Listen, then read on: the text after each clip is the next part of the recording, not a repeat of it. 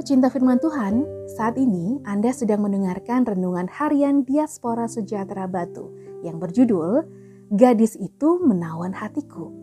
Bacaannya diambil dari kejadian 29 ayat 15 sampai 20. Kemudian berkatalah Laban kepada Yakub, Masakan karena engkau adalah sanak saudaraku, engkau bekerja padaku dengan cuma-cuma? Katakanlah kepadaku apa yang patut menjadi upahmu. Laban mempunyai dua anak perempuan, yang lebih tua namanya Lea dan yang lebih muda namanya Rahel. Lea tidak berseri matanya, tetapi Rahel itu elok sikapnya dan cantik parasnya. Yakub cinta kepada Rahel sebab itu ia berkata, Aku mau bekerja padamu tujuh tahun lamanya untuk mendapat Rahel, anakmu yang lebih muda itu.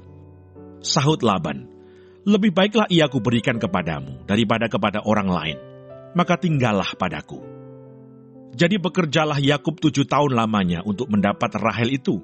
Tetapi yang tujuh tahun itu dianggapnya seperti beberapa hari saja karena cintanya kepada Rahel.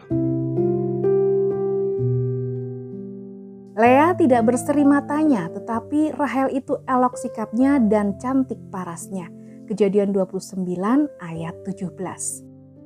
Di rumah Laban inilah kasih Eros Yakub mulai bertumbuh dan kasih itu ditujukan kepada Rahel, adik Lea putri Laban. Rahel menarik hati Yakub karena sikapnya yang elok dan ditambah parasnya yang cantik. Ketertarikan Yakub kepada Rahel yang pertama karena etika yang dimiliki oleh Rahel. Dalam Kamus Besar Bahasa Indonesia, etika itu diartikan sebagai ilmu tentang apa yang baik dan apa yang buruk, dan tentang hak dan kewajiban moral atau akhlak.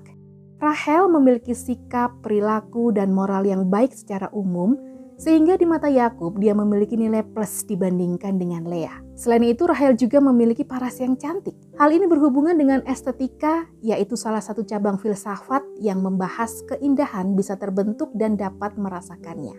Etika dan estetika adalah dua hal yang tidak terpisahkan dalam diri Rahel, sehingga Yakub merasa nyaman dengannya. Peristiwa ini mengajarkan kepada setiap kita untuk memperhatikan nilai hidup dari sisi etika maupun estetika.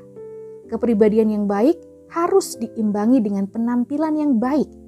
Hal ini juga harus diterapkan dalam keluarga atau dalam hubungan suami dan istri dan juga kepada anak-anak muda yang sedang mencari teman hidup. Jadi, milikilah etika yang baik di dalam Tuhan yang diimbangi dengan estetika yang baik pula. Tuhan harus dimuliakan dalam kehidupan setiap anak-anaknya. Demikian juga hendaknya perempuan. Hendaklah ia berdandan dengan pantas, dengan sopan dan sederhana, rambutnya jangan berkepang-kepang, jangan memakai emas atau mutiara ataupun pakaian yang mahal-mahal, tetapi hendaklah ia berdandan dengan perbuatan baik seperti yang layak bagi perempuan yang beribadah. 1 Timotius 2 ayat 9 sampai 10. Tuhan Yesus memberkati.